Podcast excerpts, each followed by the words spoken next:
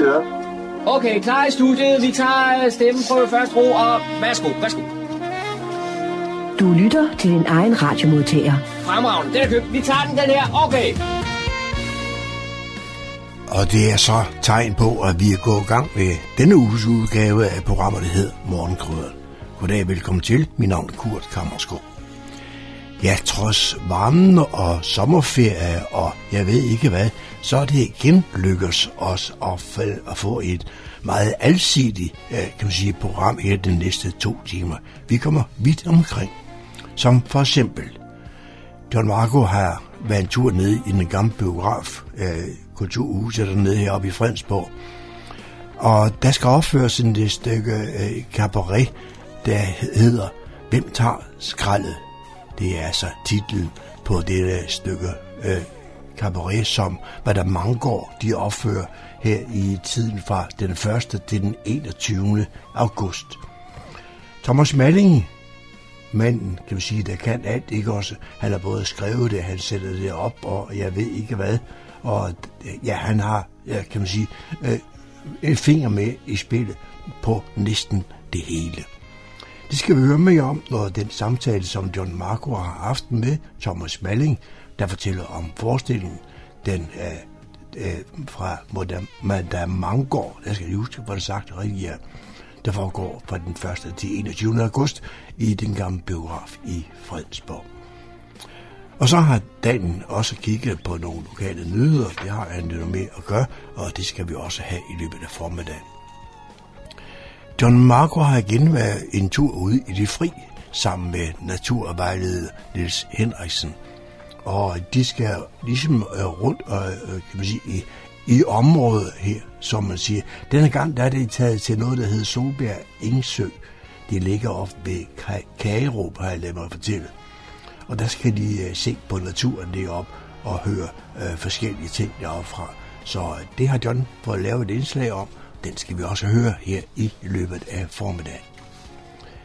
Og så øh, er der det her med, når man, øh, når man går i kirke, så øh, orlet, orlet, der er i kirken, det kan altså godt spille alt andet end lige julemelodi og juleaften. Det kan jo bare man sætter den, hvad skal man sige, rigtige person til at betjene det orgel. Don Marco var for nylig nede i Karl, i en, en Nivå kirke, hedder det, det er Karlbo Sogn. Og der var han øh, vidne til øh, organisten dernede, der spillede lidt øh, jazzificeret musik på orgel dernede. Det er en meget spændende tiltag, ikke også, som vi også skal høre her i løbet af formiddagen. Og så har der igen været pressemøde på Luciana, og der var John også nede, og øh, drøm og fortræng, fortrængning – det er titlen på en udstilling mellem dansk og grønlandsk øh, kunstnere, som er udstillet dernede helt frem til ja, resten af året. Uh, vi skal høre noget fortælle dernede fra, og det får vi også her sidst i udsendelsen. Alt det her, det er så, hvad kan man sige, splittet op med en masse musik, og det er der, jeg kommer ind. Det er det, jeg har stået for. Så uh, jeg vil bare ønske jer rigtig god fornøjelse de næste to timer.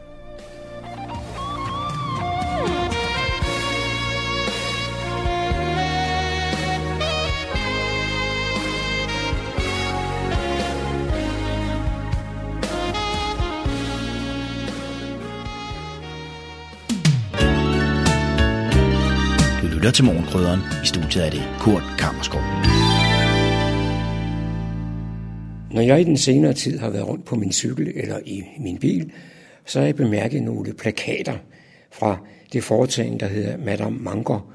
Og derfor er jeg taget til Kulturhuset, den gamle biograf i Fredensborg i dag, for at få en samtale med Thomas Malling. Thomas, først og fremmest, hvad er Madame Manger? Madame Mangård er en teaterforening, som blev stiftet i 2002. Man kan sige, at vi, vi havde jo det, der hed Ejnspillen i Fredensborg, som spillede ud i Slotshaven i 94 og 97. Og sidste gang vi spillede derude, der regnede det så meget, så vi rykkede over i den gule lade på Krogerup. Der lavede vi så tre forestillinger, og undervejs fandt vi ud af, at vi skulle da lave en teaterforening. Og øh, stifteren af det her, det var Rimor Hyllested Pedersen, som mange måske kan huske. Og Rimor, hun spillede nemlig rollen som Madder Mangård, Anne-Marie Mangård, som er jo en historisk person, som boede nede i Slotsgade i mange år i 1840'erne. Øh, og Rimor lavede den her rolle så glimrende og morsomt, og jamen, vi synes, når vi skulle have et navn, så ville vi ikke hedde hverken Store Nord eller Lille Nord, vi ville hedde Madame Mangård. Nu sidder jeg så i Kulturhuset, den gamle biograf her i Fredensborg, og øh, anledningen er, at Madame Manker er ved at sætte en forestilling op. Den hedder Hvem tager skraldet? Hvad, hvad, hvad betyder det på dansk? ja, det kan betyde to ting. Det kan være renovationsarbejderen, som kommer mandag morgen og vækker dig og tager din pose. Øhm, det er en af dem, der tager skraldet. Og det kan også være udsigten til, at øh, måske kommende generationer, og måske også vi selv i en vis grad, kommer til at tage lidt af et skrald i, for, i forhold til øh, klimaforandringerne, ikke mindst. Og det er altså affald, vi taler om? Vi taler om affald, ja, øh, men i det hele taget også om livsstil og forbrug, øh, som jo skaber affaldet i høj grad. Det, der chokerede mig for længe siden, øh, da jeg sad og skulle skrive de her tekster, det var, at der er affald, som vi aldrig kan komme af med. Og det troede jeg faktisk ikke. Jeg troede, man, man kunne genanvende. Nej, øh, man kan genanvende rigtig meget, men der er også affald, som vi ikke kan slippe af med, ikke desto mindre ikke kan slippe af med, men som bevæger sig ind i vores celler. Det synes jeg var så gysende uhyggeligt at tænke på det, at øh, den her mikroplast og sådan nogle ting kan vandre fra havene, fra, øh, og rent genetisk også ind i modermælk. Altså, det er da lidt tankevækkende, synes jeg. Og så fik du lige sagt, det er dig, der har lavet forestillingen og, og, og teksterne. Ja, det er rigtigt, ja. Jeg har tilladt mig jo i mange år i Madame at skrive. Øhm, og så er jeg jo så på den, fordi så skal jeg også selv iscenesætte det. Så nogle gange så slår man jo sig selv lidt over fingrene og siger, hvorfor kunne du ikke have gjort det mindre her? Men øh, jeg vil sige, min, min, øh, min angrebsvinkel på det her emne, klima, har været, at vi vil ikke stå op på scenen og løfte pegefingrene og skælde folk ud. Øhm, vi ved godt, at vi alle sammen er en, en del af problemet. Vi er også en del af løsningen, men vi vil gerne gøre det på en, skal vi sige, humoristisk måde, sådan at folk forhåbentlig går herfra, når de har set forestillingen og siger, ja, det kunne godt være, at jeg har lidt for mange ting stående i min garage. Måske skulle jeg se at komme af med noget, måske skulle jeg købe lidt mindre øh, af forskellige ting. Betyder det så også, at du har fået meget mere viden omkring øh, hele den problemstilling? Jo, det er rigtigt. Det har jeg. Der er kommet et par gode bøger selvfølgelig, og der er jo sker jo heldigvis meget i pressen og radioen rundt omkring, hvor man har utrolig fokus på det her for øjeblikket. Jeg kan sige, øh, vi skulle jo have opført den her klimakabaret sidste år, men blev forhindret på grund af coronaen. Og øh, vi kan bare sige, at øh, det emne, vi behandler her, er blevet endnu mere aktuelt, end det har været før. Øhm, Ja, jeg har lært meget af at læse om det. Der har været nogle gode bøger. En, der hedder Klodens fald, for eksempel, som en samling af både poetiske, men også videnskabelige fakta omkring øh, ja, det, der sker. Men, men hvordan formidler man sådan en alvorlig øh, opgave, så den bliver til at, at, at synke? Ja, ja, altså jeg forsøger jo at gøre det sådan, at vi kigger lidt på det enkelte, altså manden og konen, Mogens og Ellen hedder de her i forestillingen. Ikke? Hvad gør de med alle de ting, de har? Øh, og så videre. Altså man prøver at se, at se det, ikke sådan komme ind og sige, uha, øh, hør nogle gang, og du dernede, og nu må I holde op med, og så videre. Men måske kaste et lille blik ind i stuen øh, til herren og fruen. Måske lave en vejrudsigt, synge nogle sange, som handler om regnvejr. Vi skal også underholde indimellem. Og en af teknikkerne i det her, det er jo, at vi har hævet gamle numre op af skraldespanden, når vi snakker musik i hvert fald.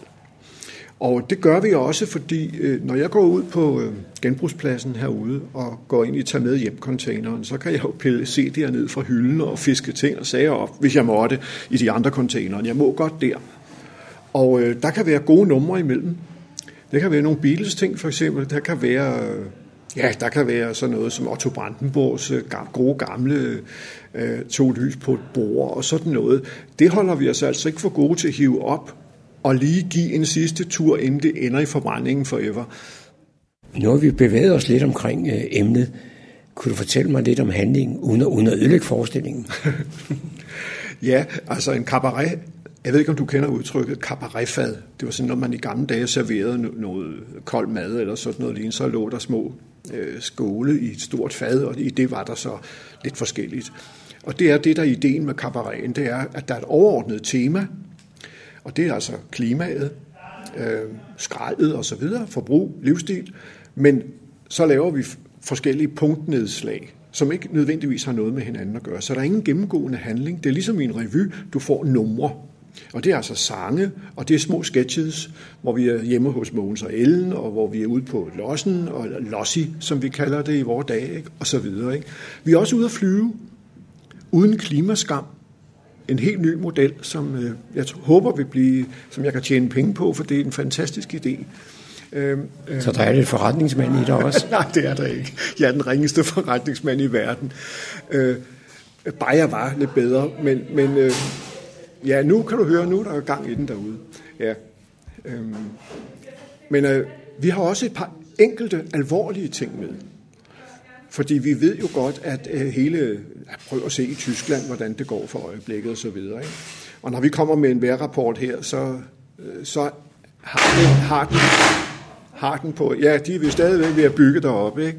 Øh, så har den også, øh, kan man sige, en smertelig bund. Men øh, vi angriber det alligevel på en, skal vi sige, galgenhumoristisk måde.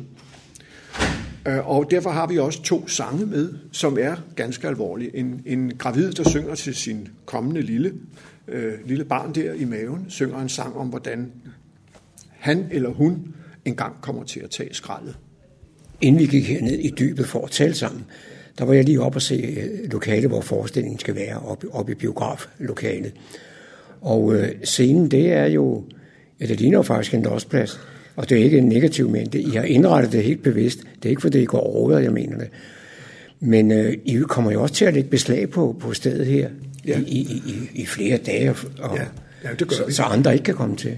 Ja, altså der er jo det heldige ved, ved, ved Kulturhuset, at øh, det er meget få aktiviteter, der er i de varme måneder. Og det har vi været, haft meget glæde af i Madame Angård. Og øh, vi, vi har faktisk huset her fra 1. juli og så frem til øh, 26. august. I den tid så kommer Esrumsø rundt bagefter, men inden den tid er det kun Madame går, der er her. For som du kunne se deroppe, så kræver sådan en indretning af scene med stor dekoration, med sal og det hele. Det er ikke noget, man bare flytter.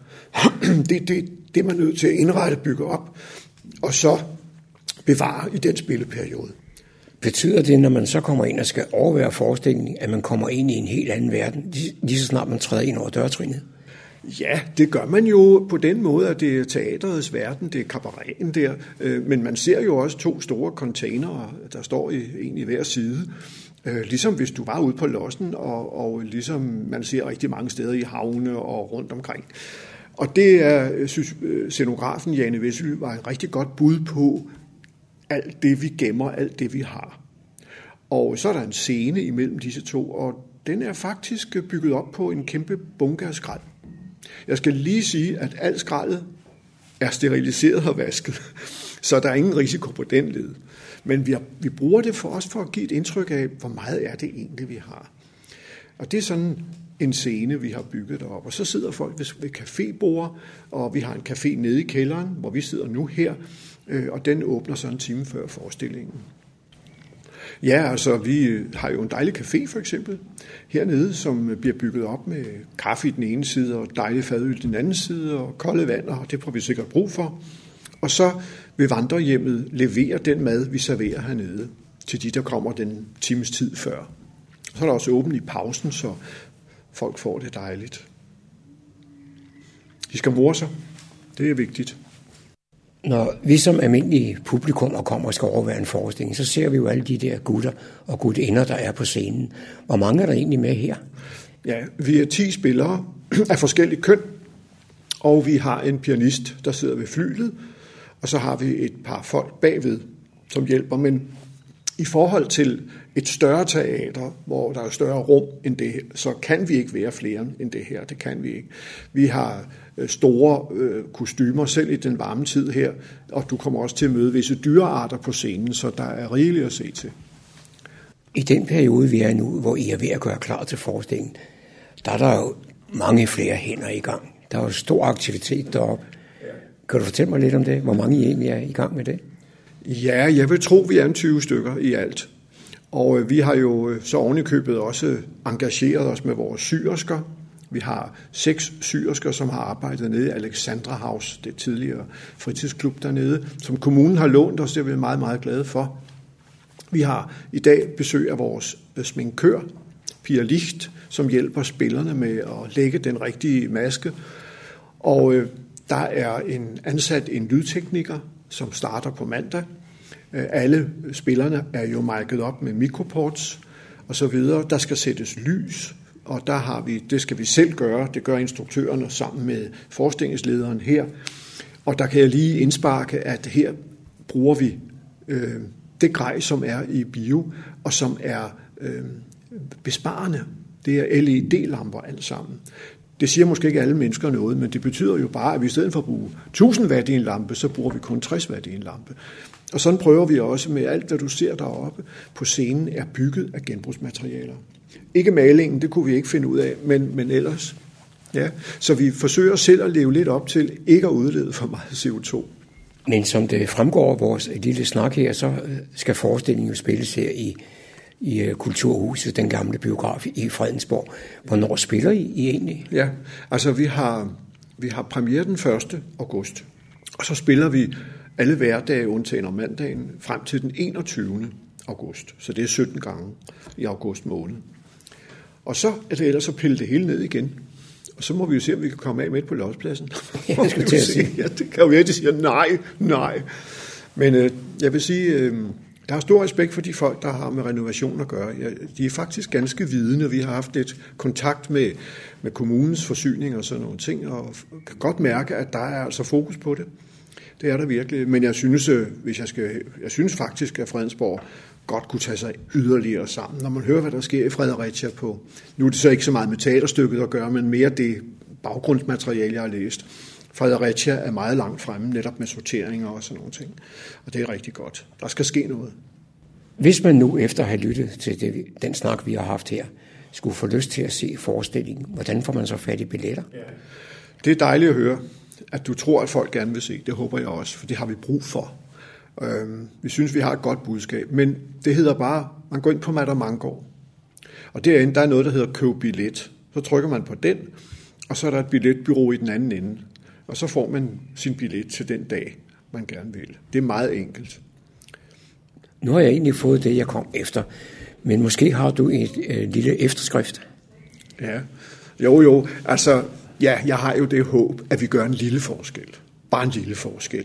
Jeg forestiller mig jo ikke, at Madame Hanggaard kan udrydde den der overdrevne brug af eller udledning af CO2 eller noget som helst. Men jeg kan mærke, at der hos folk er et behov for at ligesom være med, prøve at gøre noget. De her spillere, vi har for eksempel, de har virkelig synes, at det var lige det rigtige at lave.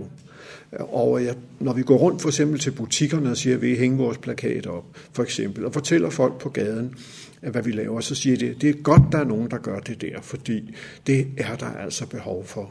Og jeg ved, at øh, Øh, kommunen holder en lille klimakonference blandt politikerne i slutningen af august, eller ja, lige over midten af august. Og det kan godt være, at vi tropper op der og slår i bordet med en sang. For øh, jeg synes, det, det er måske det vigtigste emne lige i vores tid. Corona er for stort, og det er, ved vi jo alle sammen. Og det er vi ikke færdige med, det ved vi også godt. Og jeg vil lige sige, det nævner vi ikke et ord om. Vi gider simpelthen ikke høre om corona i den her kabaret. Men klimaet, det kommer vi til at gøre et eller andet for fremover. Det var John Marco, der havde produceret dette indslag. Du lytter til morgenkrydderen. Radio Humleborg. Nordsjællands mest voksne lokalradio. Så er det igen gået hen og blevet tid til lokale nyheder, der er hentet fra humleborg.dk. Jeg er Daniel Jørgensen.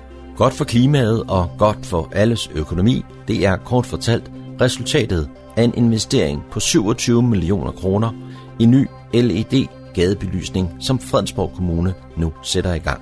Over tre år udskiftes alle kommunens gadebelysning med ny LED-armatur. Det er en investering på 27 millioner kroner, der er tjent hjem allerede på 10 år. Men allerede fra første dag vinder klimaet på grund af det markante lavere energiforbrug, der følger med LED. Udskiftningen omfatter ca. 8.000 armaturer med ny smart styring og ca. 600 master. Udover klimagevinsten indebærer ændringerne også store fordele for den daglige drift. Verdo, der står for udskiftningen, er allerede gået i gang, og man er startet i Humlebæk-området. Udskiftningen sker løbende over årene, og det forventes, at rækkefølgen efter Humlebæk er Kokkedal, Niveau og til slut Fredensborg. Søndag den 1. august er der premiere på en teaterforestilling i Fredensborg Gamle Biograf, der hedder Hvem tager skraldet? Den opføres af teaterforeningen Matter Mangård, og forestillingen spilles frem til den 21. august på alle hverdage kl. 19.30 samt lørdag og søndag kl. 15.30. Madame Mangård hiver guldet op af containerne og tryller tosset underholdning frem. Det bliver ikke varm luft eller forloven klimakredit, men genbrug, så det batter. Når Teaterforeningen her til august præsenterer klimakabareten Hvem tager skraldet i den gamle bio. Ingen tvivler længere på, at en kommende klimakrise kan blive langt værre, end vi oplevede under coronaen. Udfordringerne kan blive enorme, og teknologien vil ikke alene kunne løse problemerne. Heldigvis er mange slået ind på den grønne vej for at finde bæredygtige måder i fremtiden. Også teateret mærker den gode intention, og nu går Madame Margot altså forrest med denne nye forestilling. Med klimadebatten sætter Madame tidens vigtigste emne på scenen og skaber samtidig en oplevelse til glæde for mange, der efter et år i isolation hungrer efter teaterets nærvær. Der kan bestilles billetter på placetobook.dk. Der skal trædes i pedalerne, når Danmarks største cykelløb for børn kommer til Fredensborg Kommune. Det sker, når cykelbegivenheden Kids Tours for børn i alderen 3 til 10 år besøger Kokkedal lørdag den 4. september. Det bliver en dag med cykelshow og aktiviteter for hele familien. Ruten er cirka på 1 km, og børnene cykler ruten af forskellige omgange, alt efter deres alder. Hovedtemaet for dagen er glæde og cykelsikkerhed, hvor børnene er i fokus med cykling, leg og sjove aktiviteter. Formålet er at give børnene mulighed for at mærke glæden, suset og friheden på en cykel, og få flere børn til at benytte cyklen som en helt naturlig del af hverdagens transportmiddel.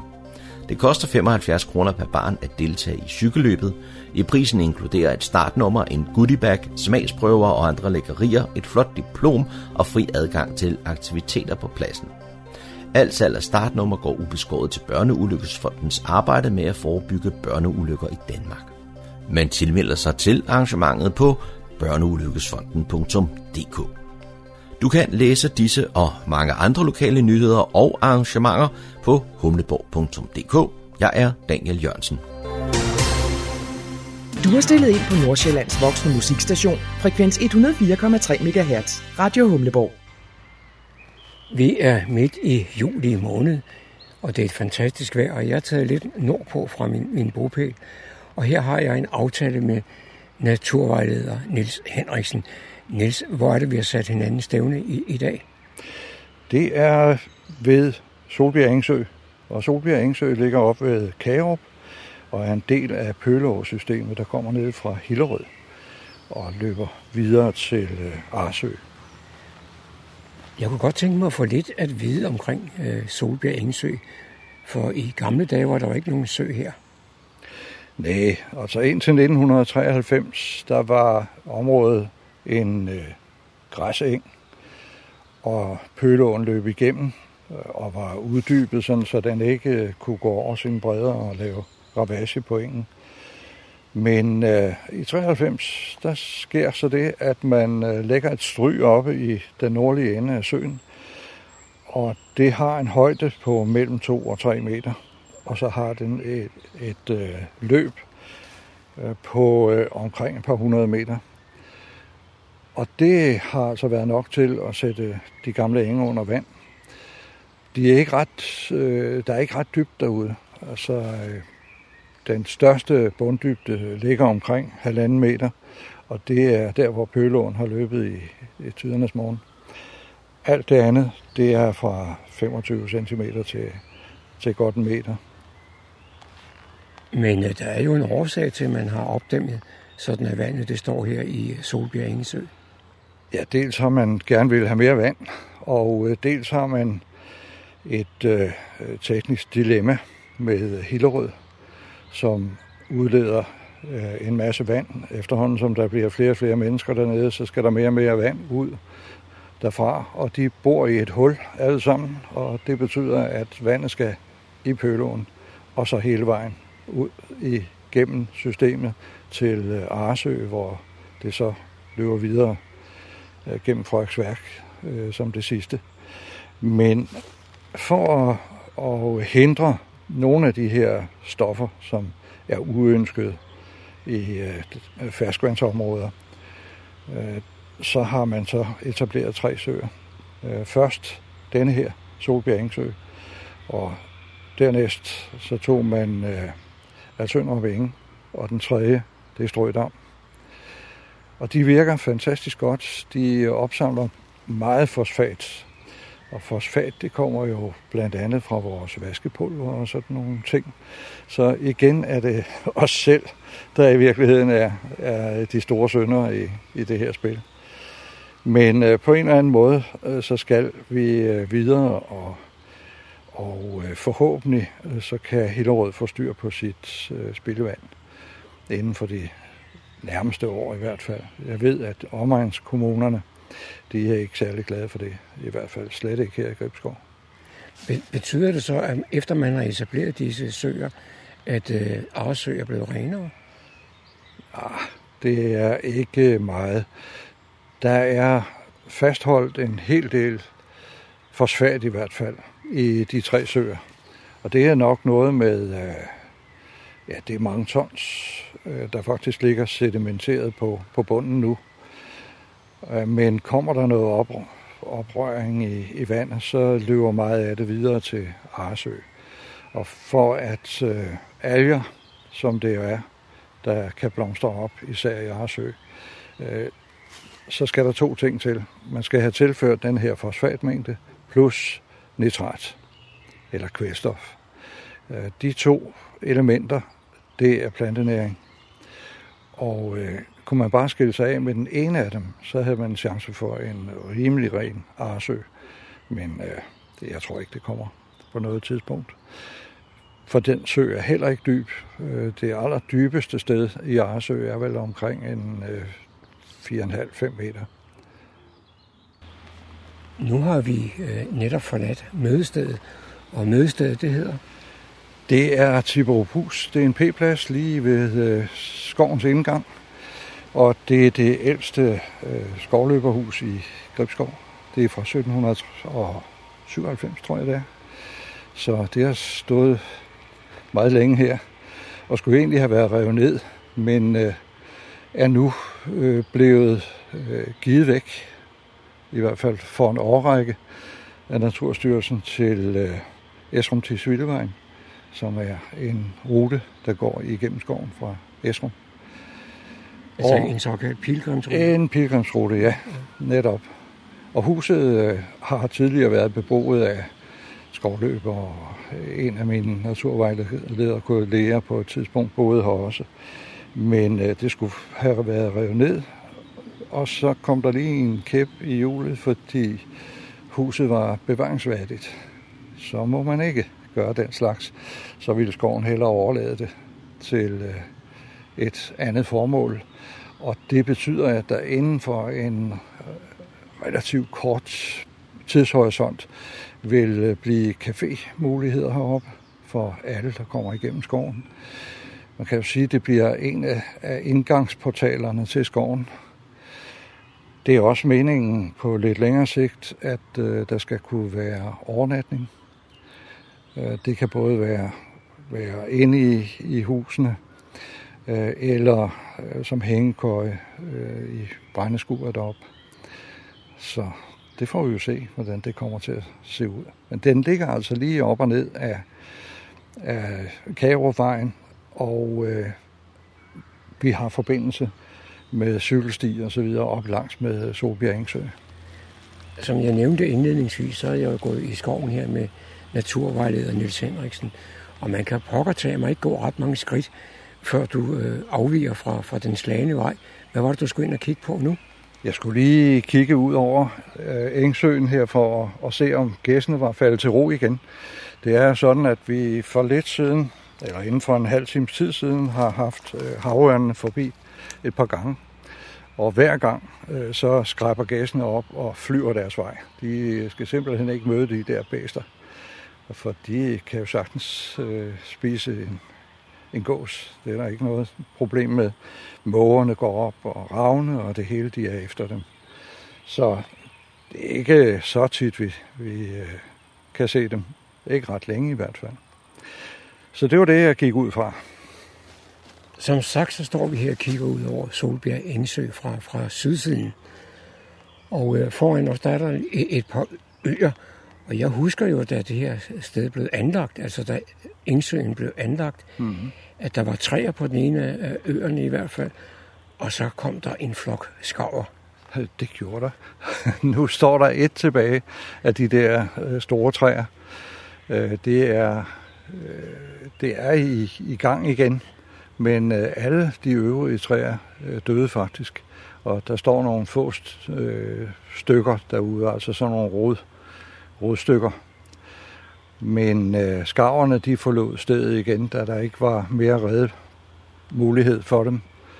Så det har ikke haft nogen betydning. Måske skulle du lige fortælle, øh, hvorfor træerne går ud, fordi skarverne slår sig ned. De har en, øh, en dårlig vane de overskider simpelthen øh, træerne. Og det gør de øh, helt klart bevidst for at øh, få øh, bedre mulighed for at komme væk. Havørnen for eksempel spiser jo skarv, hvis den kan komme afsted med det. Og øh, hvis de øh, kan se den på afstand, så kan de også komme væk i en vis fart og ikke blive offer for den. Og den går ikke ned og tager deres unger, så det, har ikke, øh, det er ikke derfor, men det er for egen øh, skyld, at de øh, gør det. Nu kan jeg se, at, at gæstene var i gang med at baske derude, og nu begynder de at larme, hvilket måske betyder, at øh, havørnen er i nærheden igen. Men jeg kan ikke se den. Jeg kan kun høre larmen. Er du klar med kaffen? så er vi klar med musik og underholdning. Her på Radio Humleborg, Nordsjællands mest voksne radio. Nu skal vi en tur til Niveau Kirke, der søndag den 4. juli inden gudstjeneste og barnedåb havde en lille jazzkoncert. Det var organist ved Karlebo Sogn, Peter Brænø Lange, der spillede jazz på Aarhus.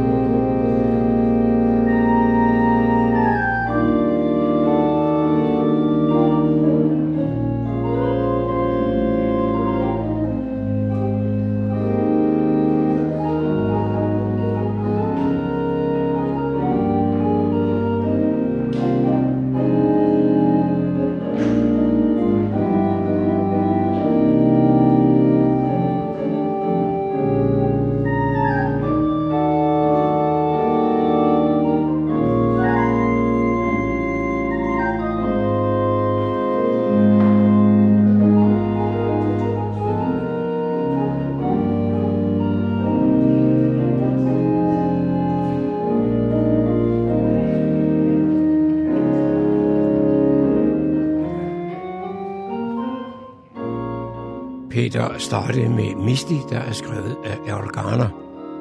Og det er også meget tydeligt, at Peter læner sig op af Errol Garners spillestil. Men han har også selv oversat nogle kendte melodier til jazz. Og nu skal vi lytte til Yesterday, der er skrevet af Beatles.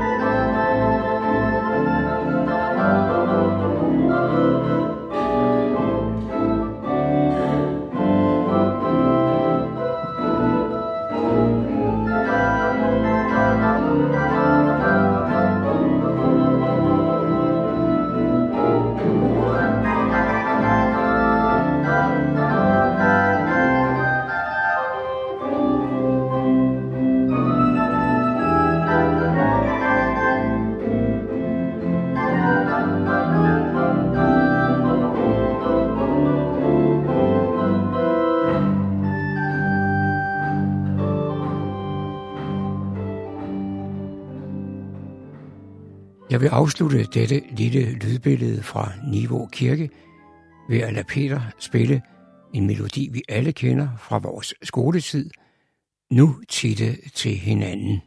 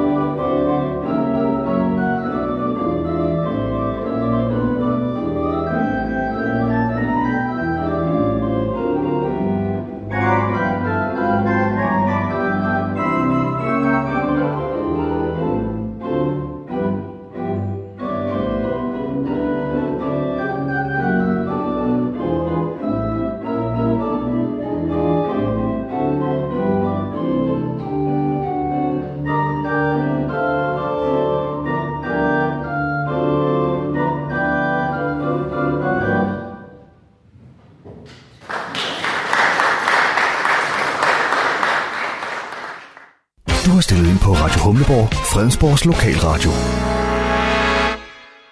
Onsdag den 14. juli var der pressemøde på Museet for Moderne Kunst, Luciana i Humlebæk. Anledningen var, at man netop har åbnet en udstilling med den grønlandske kunstner Pia Arke. Jeg giver først ordet til pressechef Jan Hybers Gørike.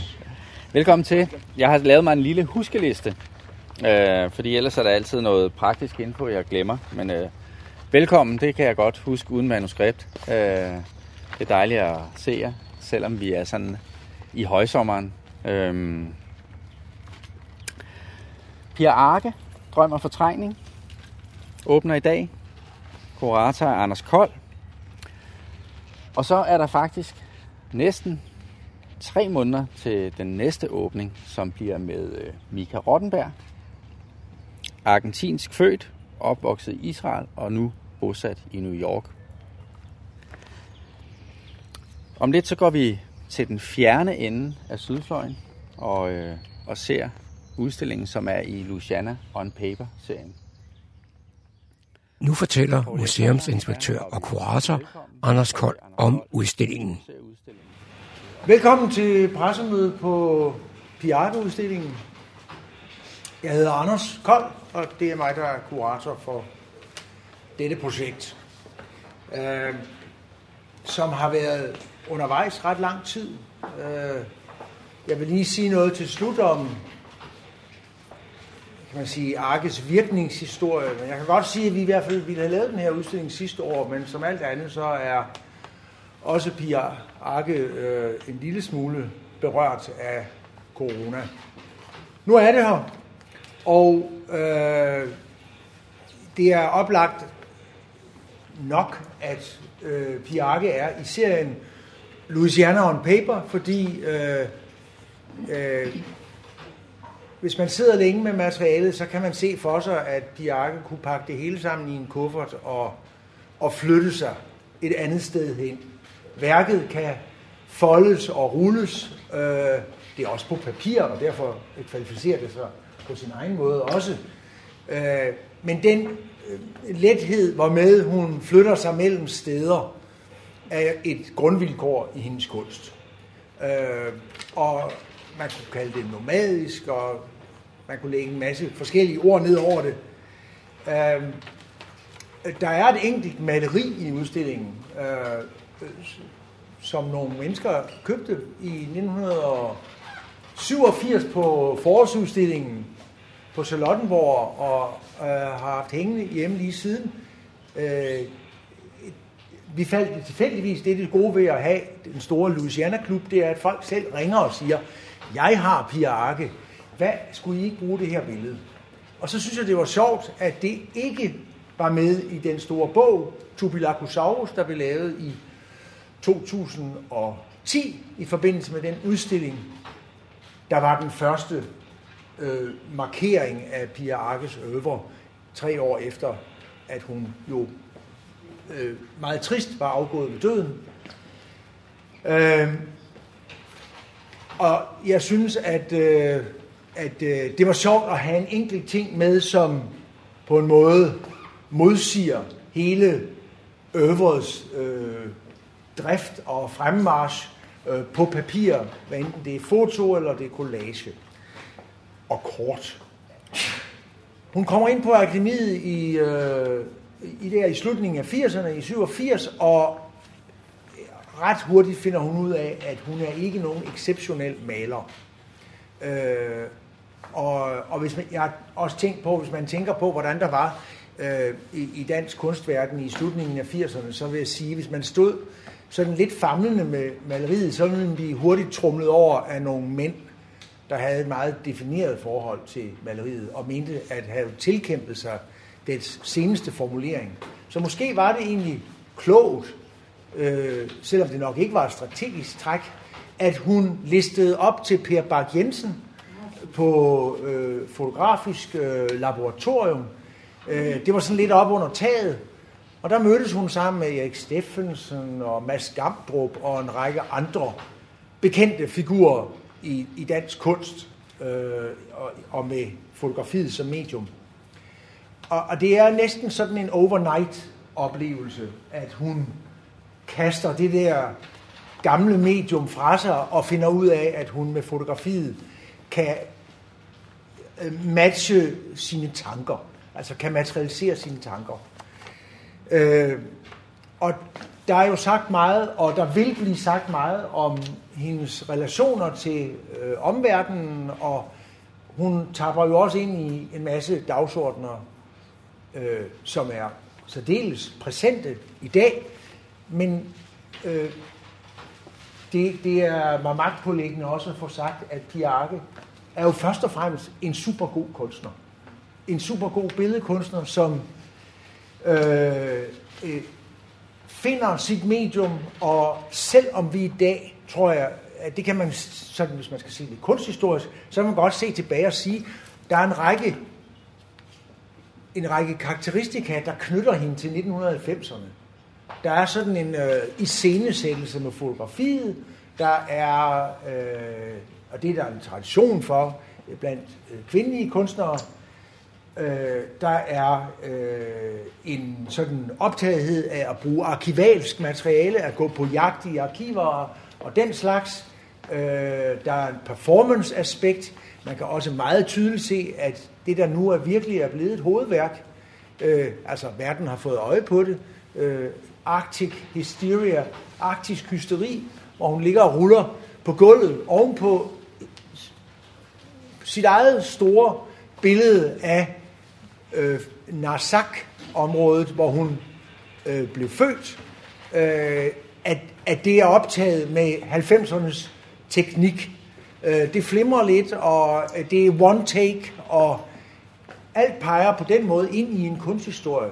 Men det vigtige er også at sige, at Pia Arkes kunst, synes vi, transcenderer tiden, og hun er en stor og væsentlig kunstner nu og fremover inden jeg forlader øh, Louisiana øh, for denne gang, så træffer jeg øh, pressechefen Jan Hybert Gørike.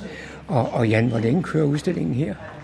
Udstillingen den når lige præcis at passere årsskiftet. Den er åben til og med den 2. januar 2022.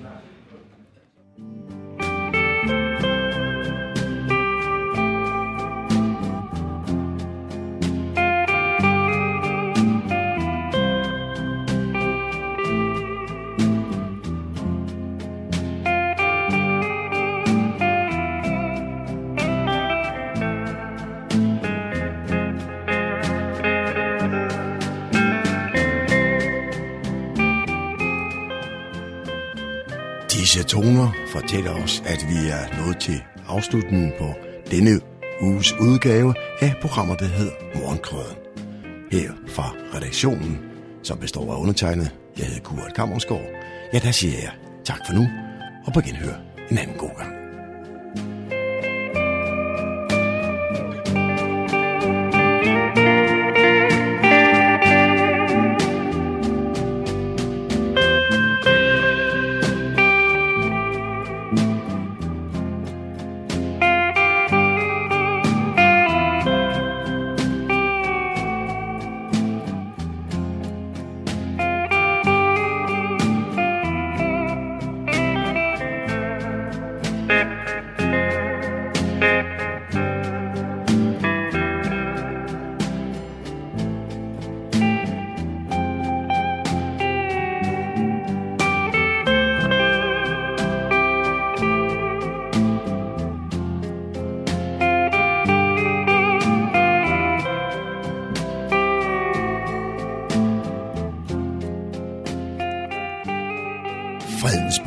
Lokalradio, Radio Humleborg, Nordsjællands mest voksne lokalradio.